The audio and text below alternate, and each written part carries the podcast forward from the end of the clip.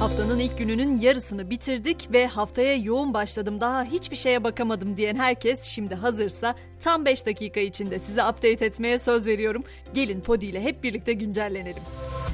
Malum cuma akşamından beri gündemimiz Bartın, 41 can alan Amasra'daki maden faciasında son gelişmeler neler hemen onunla başlayalım. Soruşturmada savcı sayısı 6'ya yükseltildi. İşletme yetkililerinin de bugün ifadeleri alınacak.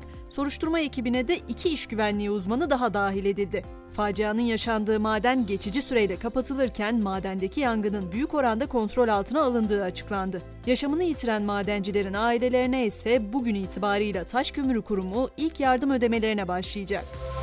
Ama umutsuzluğun içinde umut her zaman var. İyi ki var. Güzel haber sağlık cephesinden COVID-19'a karşı aşı geliştiren Profesör Doktor Uğur Şahin ve Profesör Doktor Özlem Türeci çifti kanser aşısı için de tarih verdi.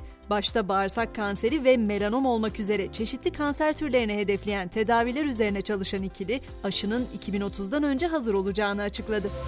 Rusya-Ukrayna cephesine bakacak olursak Ukrayna'nın başkenti Kiev güney yine patlama sesleriyle uyandı. Kentin merkezi kamikaze dronlarla vuruldu. Saldırıların ardından Zaporijya nükleer santralinin enerjisinin kesildiği duyuruldu.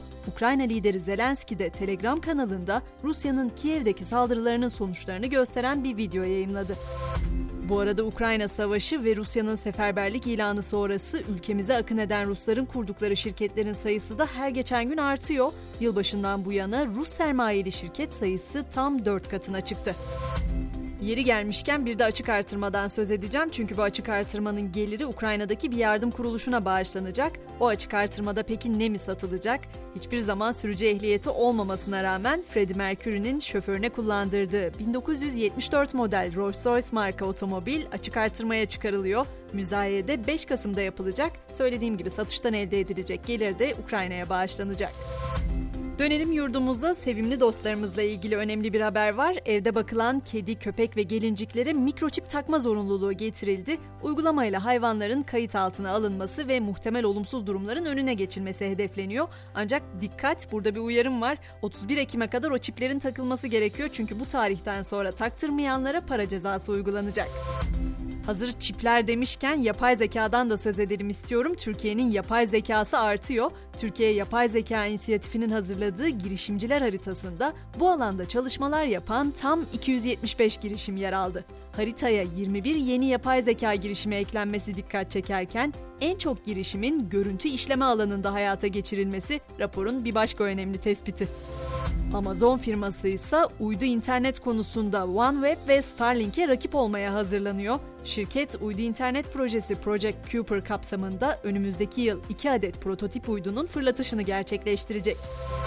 Instagram ise uygulamaya güvenlik konusunda kullanıcılarını sevindirecek bir özellik getiriyor. Sosyal medya devi uçtan uca şifreleme özelliğini test etmeye başladı. Aslında biz bu uçtan uca şifrelemeyi WhatsApp'tan biliyoruz ama neydi bu uçtan uca şifreleme? İki tarafın karşılıklı olarak kullandığı bir sistem bu. Sistemi kullanan hesapların mesajları yer aldıkları platform dahil kimse tarafından okunamıyor ve dinlenemiyor.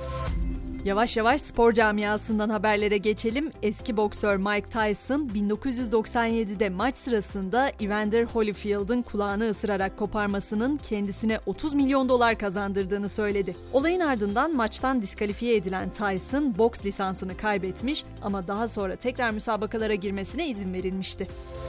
Mahsa Amini'nin ölümü sonrası İran'da devam eden protestolara ise bir destek Elnaz Rekabi'den geldi. Olimpiyat elemelerinde İran'ı temsil eden Rekabi, İran'ın kadın sporcular için getirdiği kısıtlamaları hiçe sayarak final elemelerine başörtüsüz çıktı.